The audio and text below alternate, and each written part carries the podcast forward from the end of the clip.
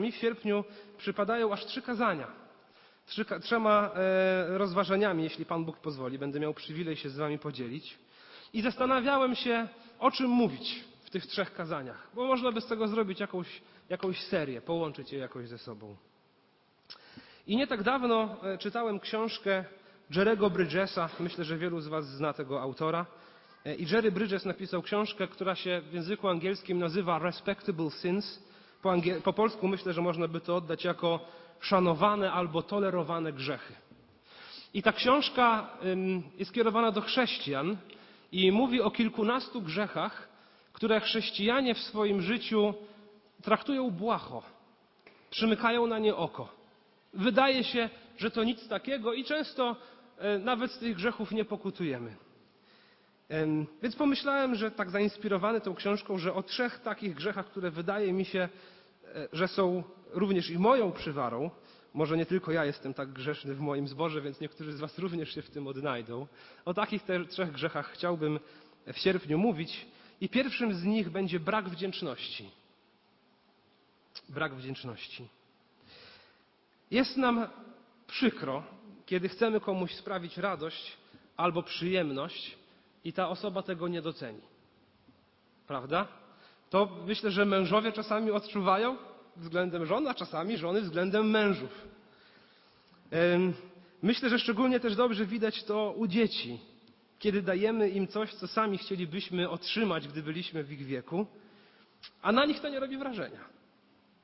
Wzruszają ramionami, przychodzą obok tego.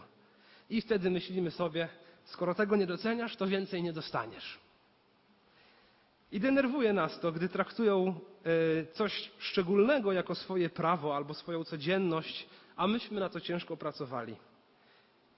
I chociaż nas to denerwuje, to mam wrażenie, że często zachowujemy się dokładnie tak samo względem Boga. Na przykład, gdy jestem chory, potrafię codziennie modlić się o to, abym był zdrowy. I jak już dzięki Bogu wyzdrowieję, to pierwszego dnia jeszcze w mojej głównej modlitwie pamiętam o tej wdzięczności, drugiego dnia jeszcze też, ale trzeciego dnia, no już mam nowe prośby. I chociaż tyle się wcześniej potrafiłem modlić o to zdrowie, to kiedy Pan Bóg z łaski swojej mi je dał, jakoś łatwo mi nad tym przejść do porządku dziennego, tak jakby mi się to należało. Więc brak wdzięczności. Myślę, że grzech bardzo poważny, o czym będę chciał tutaj mówić, a jednak tolerowany w naszym życiu. Zachęcam, otwórzmy Ewangelię Łukasza, rozdział 17. To historia o uzdrowieniu dziesięciu trędowatych. Myślę, że historia, którą dobrze znamy, ale że to historia, która ma dwa znaczenia, dwa dna. Jedno to pierwsze, które tak widać na pierwszy rzut oka, mówiące właśnie o braku wdzięczności, drugie znacznie głębsze, mówiące o Ewangelii. I do obu z nich w kolejności chciałbym się odnieść. Ewangelia Łukasza, rozdział 17, od wersetu 11 do 19. A w drodze do Jerozolimy przechodził między Samarią i Galileą. Gdy wszedł do pewnej wioski, wyszło naprzeciw niego dziesięciu trędowatych mężów, którzy stanęli z daleka. I podnieśli swój głos, mówiąc: Jezusie, mistrzu, zmiłuj się nad nami. A gdy ich ujrzał, rzekł do nich: Idźcie, ukażcie się kapłanom. A gdy szli, zostali oczyszczeni. Jeden zaś z nich, widząc, że został uzdrowiony, wrócił, donośnym głosem chwaląc Boga. I padł na twarz do nóg jego, dziękując mu, a był to Samarytanin. A Jezus odezwał się i rzekł: Czyż nie dziesięciu zostało oczyszczonych? A gdzie jest dziewięciu? Czyż nikt się nie znalazł, który by wrócił i oddał chwałę Bogu, tylko ten cudzoziemiec? I rzekł mu: Wstań, idź. Wiara Twoja uzdrowiła Cię. Dziewięć wersetów. Dziewięć wersetów opowiadających bardzo ciekawą historię, kierujących nas, myślę, że do naszego wnętrza i spojrzenia na nasze serce i tego, jakby to było z nami, gdybyśmy to by, my byli jednym z tych dziesięciu mężczyzn. Czytamy w wersecie 11, że Jezus jest w drodze do Jerozolimy i przechodzi między Samarią i Galileą. W Ewangelii Łukasza Jezus kilka razy był w Jerozolimie jest opisane kilka razy, że zmierzał do Jerozolimy. I ta droga, którą obrał teraz, to jego ostatnia droga do tego miasta. W rozdziale 19 Jezus wjedzie na oślęciu do Jerozolimy i tam spędzi swój ostatni tydzień. E, będzie osądzony, ukrzyżowany, a następnie zmartwychwstanie. Więc idzie do tego miasta, wiedząc tak naprawdę, gdzie zmierza i po co zmierza. Czytamy, że idzie gdzieś e, z północy czy z północnego wschodu, przechodzi między Samarią i Galileą i wszedł do pewnej wioski. A gdy wszedł do tej wioski, usłyszał e, krzyk dziesięciu mężczyzn chorych na trąd. Mężczyzn zdesperowanych, mężczyzn będących w tragicznym położeniu. I wielu z Was na pewno wie o tym doskonale, że trąd to straszliwa i nieuleczalna choroba. W tamtych czasach na pewno. W dzisiejszych również to wygląda bardzo podobnie. W niektórych przypadkach trąd bywa zakaźny. Wywoływany jest przez szczególną bakterię. I ta choroba prowadzi do obumierania tkanki. Do tego, że skóra człowieka zaczyna wysychać, twardnieje, że ciało zaczyna gnić, że kolejne członki zaczynają odpadać. I każdy, kto był e, tą chorobą dotknięty w Izraelu, tak nakazywało prawo mojżeszowe, musiał być całkowicie odizolowany od społeczeństwa. Tragiczny to był stan człowieka. Ten człowiek musiał iść i mieszkać samemu gdzieś na jakimś odludziu. Nie miał pracy, nie miał rodziny, a jeśli miał, a zachorował, to musiał się od nich odciąć, nie, nie mógł z nimi utrzymywać kontaktu. Oglądał może ich czasami gdzieś z daleka. A kiedy w jego polu widzenia byli jacyś ludzie, którzy zmierzali w jego kierunku, to musiał głośno krzyczeć, wołając: Jestem nieczysty, jestem trędowaty, jestem trędowaty, jestem nieczysty, nie podchodźcie. Wyobraźcie sobie, drodzy, tragedię tego człowieka. Absolutna tragedia. Powolne oglądanie tego, jak jego ciało się zmienia wskutek choroby, jak on umiera i nie ma przy nim nikogo. I tak też tych dziesięciu mężczyzn połączyła choroba. Nie chcieli być sami. Nie wiemy, w jaki sposób oni się dobrali, ale odnaleźli się w tych swoich trudnościach. Nie wiemy o nich zbyt wiele. Nie wiemy ani w jakim byli wieku, ani gdzie na co dzień mieszkali, ani w jaki sposób się poznali. To, co wiemy, to to, że byli mieszanką, jeśli chodzi o pochodzenie. Że część z nich była Żydami, a przynajmniej jeden był Samarytaninem. I ponownie wielu z Was wie doskonale, ci, którzy czytają Biblię od dłuższego czasu, że Samarytanie i Żydzi no, na co dzień ze sobą nie przebywali, delikatnie mówiąc. Można by nawet powiedzieć, że siebie nienawidzili ze względu na trudną historię, inne obyczaje, które z tego wynikały. E, bardzo byli skłóconymi grupami. Młody Samarytanin od małego był wychowywany w tym, że z Żydami się nie przybywa. Koniec, kropka, tak już jest. A młody Żyd był wychowywany w tym, że z Samarytanami się nie przybywa, nie rozmawia, omija się ich z daleka. Koniec, kropka, tak już jest. Ale choroba zbliża. Choroba zbliża. Trudności zbliżają. Prawda? Kiedy cierpimy, chcemy często, aby ktoś był w tym razem z nami. I chociaż ludzie zdrowi nie mogli z nimi być, więc oni sami się dobrali. Nie patrząc na inne podziały, połączyła ich choroba. Żydów i Samarytan, albo przynajmniej jednego Samarytanina. I tak zebrali się w grupę dziesięciu chorych. Dziesięciu, którzy zmagali się z tą samą chorobą, z wyzwaniami codzienności i dziesięciu, którzy razem szukali ratunku. I czytamy, że Jezus wszedł do pewnej wioski. Był wtedy bardzo znaną postacią. Za kilka dni, kiedy wejdzie do Jerozolimy, przywitają go ogromne tłumy. Więc zapewne, kiedy zmierzał do Jerozolimy, te tłumy już za nim podążały. W tej wsi pewnie było wielu ludzi, którzy tłoczyli się dookoła niego. Tych dziesięciu nie mogło do wsi wejść z oczywistych powodów, z powodu swojej choroby. Więc stanęli pewnie gdzieś na uboczu i zaczęli wołać. Zaczęli wołać z całych sił.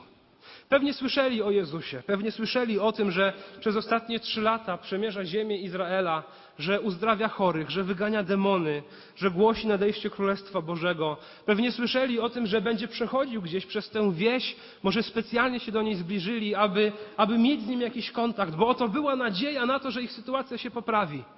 Więc stanęli pewnie gdzieś na brzegu wsi i zaczęli krzyczeć: Jezusie, mistrzu, zmiłuj się nad nami.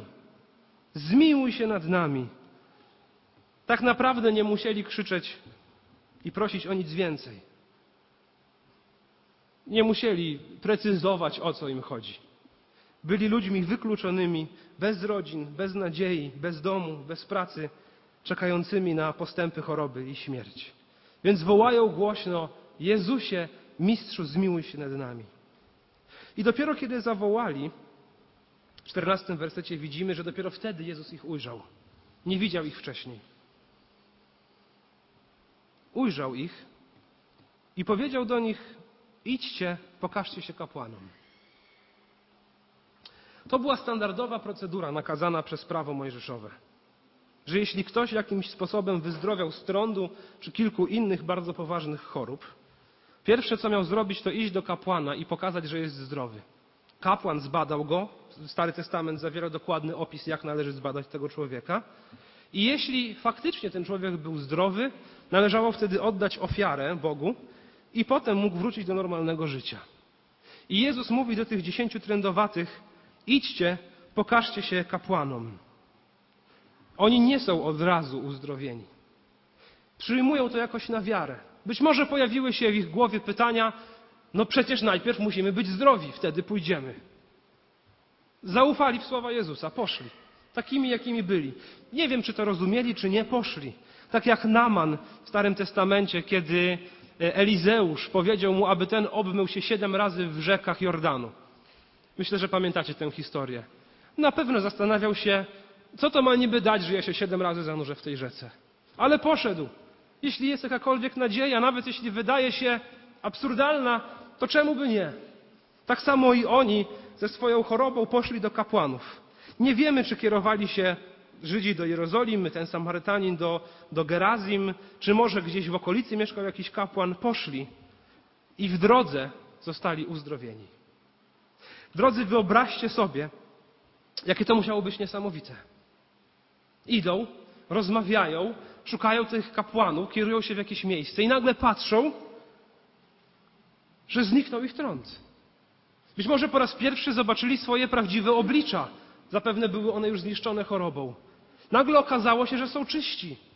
Jakaż tam musiała być eksplozja radości, jakaż euforia, że oto ich przekleństwo, powód ogromnych problemów, nagle zniknął. Myślę, że mało sytuacji, mało miejsc na świecie było tak radosnych, jak to miejsce, w którym oni się znajdowali w tym momencie, kiedy zobaczyli, że są zdrowi. Niesamowity musiał być widok tych dziesięciu mężczyzn, którzy pewnie zaczęli cieszyć się jak dzieci i płakać ze szczęścia. I podejrzewam, że wzięli się razem i zaczęli biec do kapłana. Już nie tylko iść, ale biec. Ale jeden z nich zrobił inaczej. Werset 15 i dalej.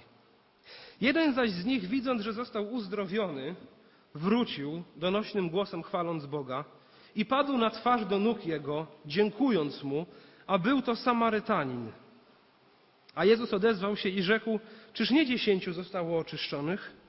A gdzie, gdzie jest dziewięciu? Czyż nikt się nie znalazł, który by wrócił i oddał chwałę Bogu, tylko ten cudzoziemiec? I czytam tę historię i faktycznie rodzi się pytanie, tylko jeden? A reszta? No reszta pobiegła cieszyć się życiem. Z radością. Myślę, że poszli i do kapłana, i poszli do świątyni złożyć dar Bogu, więc byli za to wdzięczni w jakiś sposób Bogu. Za tak ogromny dar, który otrzymali. Ale tylko jeden wrócił do Jezusa. Tylko jeden padł mu do nóg.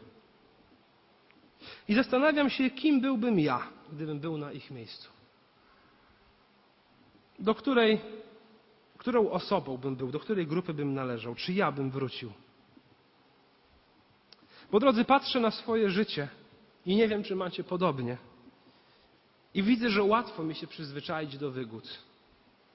Że łatwo przyzwyczaić mi się do tego, że mam niezłe zdrowie, że mam wspaniałą żonę, że mam piękne dzieci, że mam stałą pensję, że mam dach nad głową, że mam samochód, że mam przyjaciół, że mam co jeść, że mogę chodzić na wybory, że mogę domagać się swoich praw w sądzie, że czuję smaki, zapachy, dotyk, że widzę kolory, że mogę cieszyć się muzyką.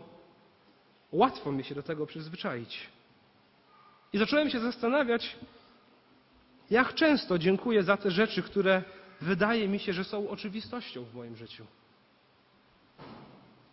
To proste rzeczy. I wydaje mi się, że są, tak jak powiedziałem, oczywistością, że są one moje, że tak już zawsze będzie, że są one wręcz nieutracalne, że mam i już.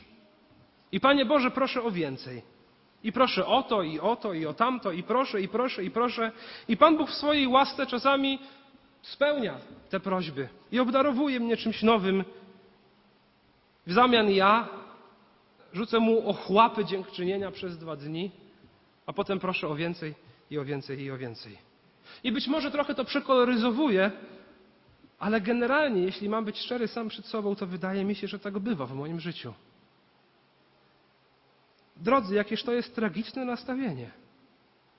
Jak bardzo nas to irytuje w naszych dzieciach, gdy łatwo przychodzi im przejście obok czegoś obojętnie, a wydaje mi się, że my również przechodzimy obojętnie obok tego, co Pan Bóg nam daje ze swojej łaski. Zakładamy, że nam się coś należy, że tak już jest, po prostu, że to jest nasze. Że nam się coś należy. Ludziom, którzy grzeszą każdego dnia. Ludzie, którzy wskutek grzechu buntują się przeciwko Bogu każdego dnia. Ludziom, którzy nie potrafią tak naprawdę jednego dnia w pełni przeżyć na Bożą chwałę. Że nam się coś należy. Myślę, że mamy to, co mamy, dlatego że Pan Bóg okazał nam niesamowitą łaskę. I często nawet nie zdajemy sobie sprawy z tego, jakimi jesteśmy szczęściarzami. Jakiś czas temu dotarło do mnie to, że mam dwoje zdrowych dzieci. I to nie jest normalna kolej rzeczy w tym świecie. W świecie, który jest pod działaniem grzechu, który cierpi z powodu grzechu, normą w takim świecie będzie to, że dzieci rodzą się chore, nie że zdrowe. Jakim jestem szczęściarzem, a jak łatwo przechodzi mi przejście obok tego obojętnie. I owszem, kiedy zobaczę kogoś, kto ma trudniej, to podziękuję, ale na co dzień prawie tego nie doceniam. Myślę, że brak wdzięczności naprawdę jest strasznym grzechem. I łatwo zacząć go tolerować w swoim życiu. Jego konsekwencje tak naprawdę są tragiczne, bo one będą prowadzić do bałwochwalstwa. Bo jeśli przestanę dziękować Bogu, to zapomnę, że to Pan Bóg mi to dał. A jeśli zapomnę, że to Pan Bóg mi to dał, no to kto mi to dał? Sam zdobyłem. Więc jak sam zdobyłem, to komu należy się wdzięczność? No mnie się należy ta wdzięczność. Droga pomiędzy brakiem wdzięczności a bałwochwalstwem jest bardzo krótka. I Pan Bóg wskazał to w Księdze Powtórzonego Prawa w ósmym rozdziale. Zachęcam, otwórzcie. Księga Powtórzonego Prawa, piąta Księga Mojżeszowa, rozdział ósmy. E, naród izraelski był przed wejściem do ziemi obiecanej. I Pan Bóg powiedział tam takie słowa. Powtórzonego prawa 8, 11 do 20. Bacz, abyś nie zapomniał Pana Boga Twego, zaniedbując Jego przykazania, prawa i ustawy, które Ci dziś nadaje. Aby gdy się najesz dosyta, gdy pobudujesz sobie piękne domy, gdzie będziesz mieszkał, i gdy Twoje bydło i trzody rozmnożą się, i gdy będziesz posiadał wiele srebra i złota, i wszystkiego będziesz miał wiele, aby serce Twoje nie stało się wyniosłe, oraz abyś nie zapomniał Pana Boga Twego, który Cię wyprowadził z ziemi egipskiej, z domu niewoli który cię prowadził przez tę wielką i straszną pustynię, gdzie były węże jadowite i skorpiony, przez bezwodne pustkowie, gdzie wydobył dla ciebie wodę z krzemiennej skały, który na pustyni karmił cię manną, której nie znali twoi ojcowie, aby cię upokorzyć i aby cię doświadczyć, lecz w przyszłości obrócić ci to ku dobremu. Abyś nie mówił w sercu swoim, moja moc i siła mojej ręki zdobyła mi to bogactwo. Pamiętaj, że to Pan, Bóg Twój, daje Ci siłę do zdobywania bogactwa, aby potwierdzić swoje przymierze, które poprzysiągł Twoim ojcom, jak się to dziś okazuje. Ale jeżeli zapomnisz Pana Boga Twego i pójdziesz za innymi bogami, będziesz im służył i oddawał im pokłon, to oświadczam Wam, że niechybnie zginiecie. Jak narody, które Pan wytraca przed Wami, tak samo i Wy zginiecie za to, że nie będziecie słuchać głosu Pana Boga Waszego. Drodzy, brak wdzięczności to zapomnienie o Bogu i o Jego działaniu, a zapomnienie o prawdziwym Bogu to pójście za innymi bogami, którymi dzisiaj często jesteśmy my sami. Strzeżmy się tego. Strzeżmy się tego. Nie tolerujmy w naszym życiu grzechu braku wdzięczności. On ma poważne konsekwencje, a bardzo łatwo przejść obok niego obojętnie. To pierwsza myśl z tego kazania. Pierwsza, taka myślę, że oczywista też myśl wynikająca e, z tego tekstu i chciałbym teraz też przejść do drugiej.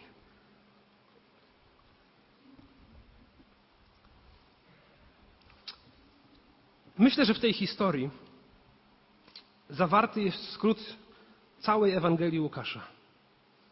Że w tej historii zawiera się też sens misji Jezusa. Często cuda Jezusa w Ewangelii, czy w Ewangeliach, te cuda, które są związane z uzdrowieniem fizycznym, powiązane są z lekcją o uzdrowieniu duchowym. Czyli to uzdrowienie człowieka z jego choroby nie było celem w samym w sobie, raczej miało służyć czemuś więcej. I na przykład takim doskonałym, doskonałą historią, która to obrazuje, jest e, fragment, czy cały rozdział dziewiąty z Ewangelii Jana. E, myślę, że znacie tę historię, nie będę jej czytał. Historię, gdzie Jezus ozdrawia człowieka niewidomego od urodzenia. Gdzie uczniowie na początku się pytają, kto zgrzeszył, on czy rodzice jego, że się takim urodził. Pamiętacie tę historię, prawda? Jezus mówi, ani on, ani rodzice jego, lecz aby się na nim okazały wielkie dzieła Boże. I całą tę historię uzdrowienia tego człowieka, to jak on później idzie do swoich rodziców, do synagogi, najpierw mówi o Jezusie człowiek, który mnie uzdrowił, potem prorok, potem Mesjasz, w końcu oddaje cześć Jezusowi. Całą tę historię Jezus używa do tego, aby pokazać faryzeuszom, że chociaż im się wydaje, że są zdrowi, to tak naprawdę oni są bardzo chorzy. Ta historia kończy się tym, że Jezus zwraca się do faryzeuszy, mówiąc: Ponieważ mówicie, że widzicie, to tak naprawdę ślepi jesteście. Czyli wydaje wam się, że jesteście duchowo zdrowi, że wasze duchowe oczy są otwarte, ale wy w ogóle nie rozumiecie, o co chodzi w Ewangelii.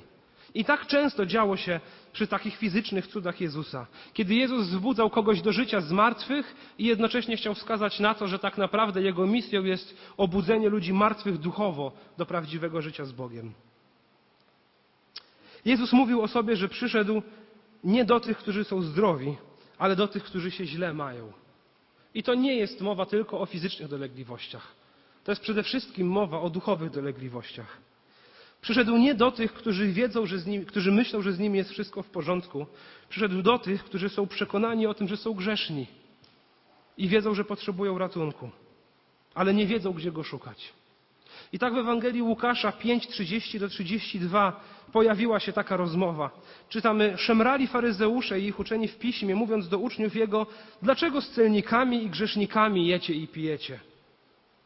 A Jezus odpowiadając, rzekł do nich: nie potrzebują zdrowi lekarza, lecz ci, którzy się źle mają. Nie przyszedłem wzywać do upamiętania sprawiedliwych, lecz grzesznych. I wiemy, że tak naprawdę wszyscy jesteśmy grzeszni. No ale faryzeusze myśleli, że są sprawiedliwi. Jezus mówi: Ja nie przyszedłem do tych, którzy myślą, że są sprawiedliwi. Ja przyszedłem do tych, którzy wiedzą, że potrzebują ratunku. Bo jeśli człowiek uważa, że wszystko jest z nim w porządku, to on nie potrzebuje ratownika. On chce mieć kolegę. Jeśli człowiek myśli, że wszystko jest z nim w porządku, to on chce, aby ktoś razem z nim szedł przez jego dobre życie. Natomiast człowiek, który wie, że jest w beznadziejnej sytuacji, wie, że potrzebuje natychmiastowo pomocy. Do takich ludzi przyszedł Jezus. I oto w tej historii, którą przeczytaliśmy, mamy grupę dziesięciu mężczyzn, ludzi, którzy widzą w Jezusie jakąś nadzieję. Widzą, że On może im pomóc. Widzą szansę na normalne życie, na zdrowie, na pracę i na rodzinę. I co ciekawe, Jezus wysłuchał wołania wszystkich dziesięciu. Czy on nie wiedział, że tylko jeden wróci do niego? Myślę, że wiedział. Jest Bogiem. Oczywiście, że wiedział. A jednak pomógł wszystkim dziesięciu. I nie jest wcale napisane, że w związku z tym, że oni do niego nie wrócili, to choroba do nich wróciła. To wcale nie wynika z tekstu. Myślę, że pozostali dalej zdrowi. Pomógł, bo jest Bogiem łaskawym i miłosiernym. Ale chociaż pomógł wszystkim dziesięciu, to tak naprawdę tylko jeden z nich zrozumiał, kim jest Jezus. Nie przyszedł po to, aby coś uzyskać, ale wrócił do Jezusa nie po zdrowie, ale po to, aby być z Jezusem. I padł na twarz, na kolana do Jego nóg. I przez takie zachowanie mógł nie tylko stracić swoje zdrowie, ale i życie. Został uzdrowiony kilka godzin później, a może kilkanaście minut później, jeśli kiedy pada przed Jezusem na twarz i na kolana, to tak w Izraelu pada się przed Bogiem. On oddał hołd Jezusowi. Rozpoznał w Jezusie kogoś, komu chce oddać pokłon. Nie tylko kogoś, do kogo przyszedł, aby coś uzyskać, ale przyszedł po to, e, z powodu tego, kim jest Jezus. Dziewięciu zobaczyło, że są zdrowi, ale jeden zobaczył coś więcej. Dziewięciu się cieszyło i pewnie poszło oddać chwałę Bogu do świątyni, ale jeden zrozumiał, że ten Bóg jest pośród nich. Dziewięciu było bardzo wdzięcznych za to, że są zdrowi, ale tylko jeden wrócił i padł na twarz i na kolana do stóp Jezusa. I chcę zapytać siebie i każdego z Was, którzy tutaj jesteście, czy którzy nas oglądacie przez łącza internetowe. Chcę Wam zadać pytanie: dlaczego tutaj jesteś? Po co tutaj przyszedłeś? Gdybyśmy porównali tę kaplicę do wioski, przez którą przechodzi Jezus. Różni ludzie w tej wsi na pewno się pojawili z okazji tego, że Jezus tam był. Taki różni ludzie przychodzą czy oglądają nabożeństwo. Dlaczego tutaj jesteś? Czego chcesz od Jezusa? Przyszedłeś, bo może masz taki zwyczaj, że w niedzielę rano chodzisz na nabożeństwo. Od lat już chodzisz, więc i dzisiaj przyszedłeś, skoro jest taka możliwość. Przyszłaś, bo wiesz, że to jest środowisko w miarę moralnie żyjących ludzi, którzy mają w miarę poukładane w rodzinach, w małżeństwach, więc lepiej być z nimi lub z innymi. Przyszedłeś, bo może nie chcesz chodzić do jakiegoś innego kościoła, tutaj się dobrze odnajdujesz, podoba się Tobie to, jak wygląda nabożeństwo, to, co słucha, to czego słuchasz. Przyszłaś, bo może masz problemy które chciałabyś, aby Pan Bóg od Ciebie zabrał. Może Twoi bliscy mają problemy i chciałabyś jakoś przypodobać się Bogu, więc pomyślałaś, że dobrze byłoby zacząć od tego, aby pójść na nabożeństwo do kościoła. Wtedy może Pan Bóg jakoś bardziej się Tobą zainteresuje. I myślę, że te wszystkie wcześniejsze powody, chociaż istotne, mniej lub bardziej, to jednak, jeśli nie upadłeś i nie upadłaś u stóp Jezusa, tak naprawdę są prawie że bez znaczenia. I nie pytam o to, czy czytasz Biblię, czy się modlisz codziennie, czy regularnie chodzisz na nabożeństwa i grupy biblijne, czy oddajesz dziesięcinę, czy chcesz żyć wedle moralnej nauki Pisma Świętego, czy jesteś zaangażowany, zaangażowana w służbę. Nie pytam nawet, czy kochasz Boga, bo faryzeusze też twierdzili, że kochają Boga.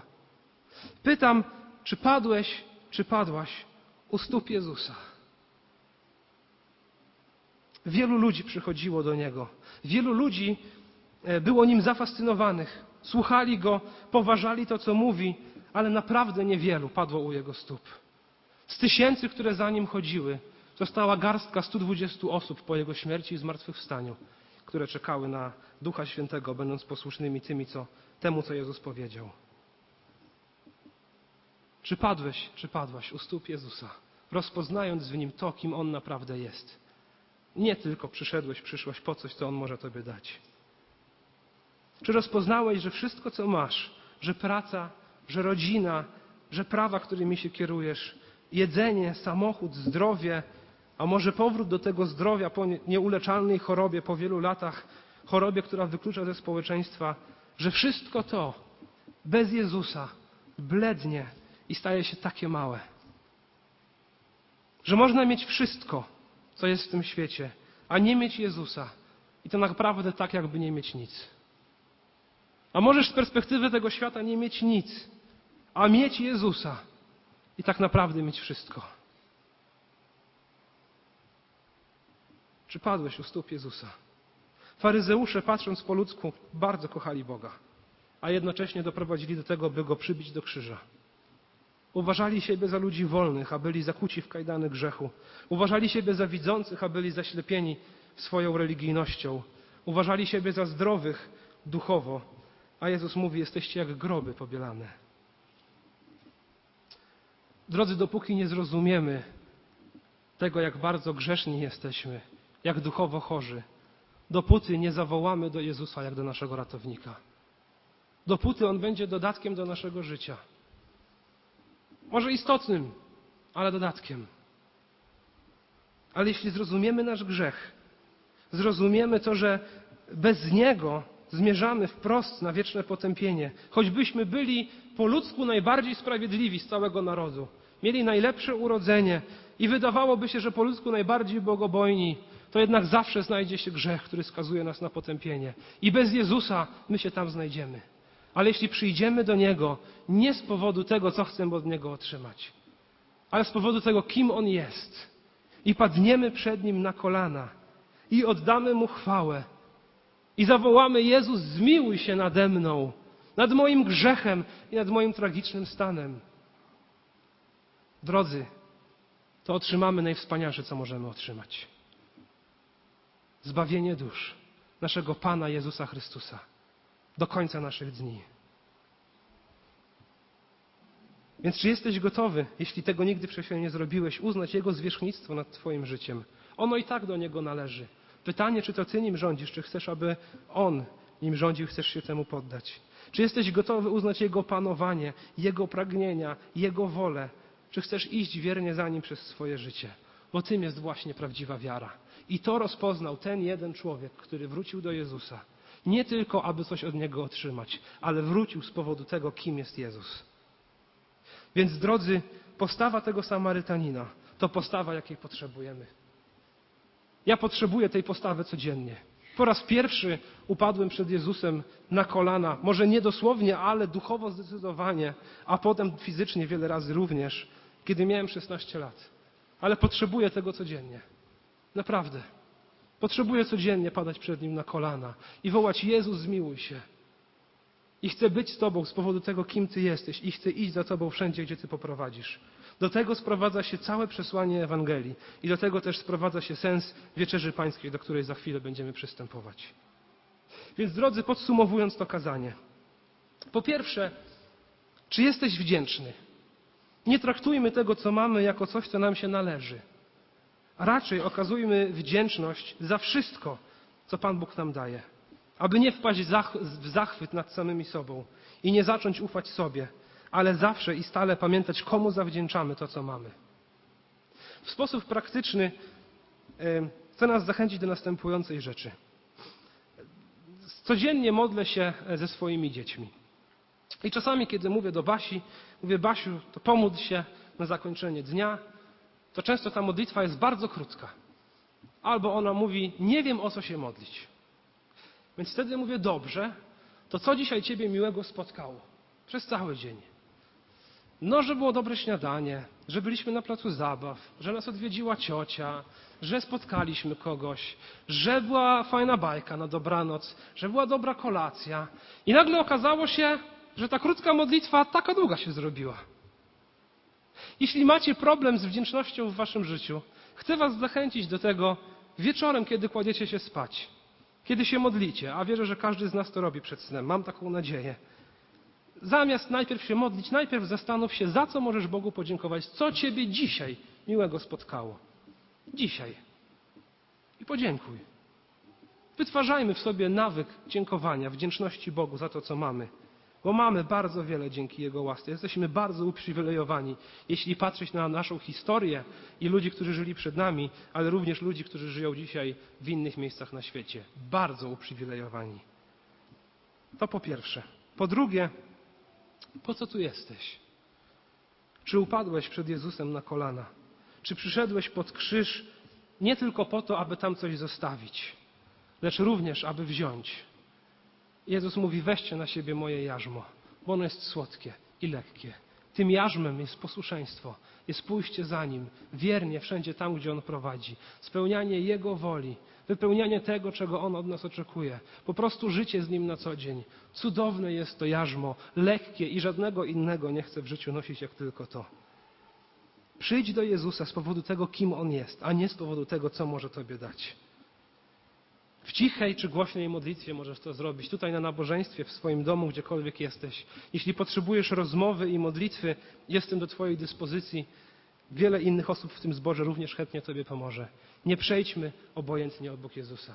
Jesteśmy wdzięczni za różne rzeczy, ale niech to nie będzie tylko przychodzenie do Niego po coś, ale przychodzenie do Niego z powodu tego, kim On jest. Chwała Bogu, bo Bóg jest dobry, a Jego łaska się nie kończy. Amen? Amen.